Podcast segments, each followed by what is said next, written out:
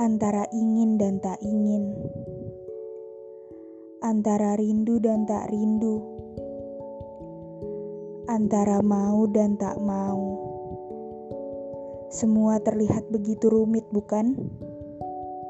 Padahal sebenarnya semua ini bisa disederhanakan. Ah, sudahlah. Sudah dicoba beberapa cara namun ternyata tidak juga berhasil, bukan? Ya sudahlah. Terkadang kata itu yang muncul sebagai bentuk lain dari kata pasrah. Jika keadaan tak mampu diubah, ya sudahlah. Antara ini sudah tak kupahami lagi. Sepertinya diam dan menjauh saja lebih baik. Karena kita antara ada dan tiada.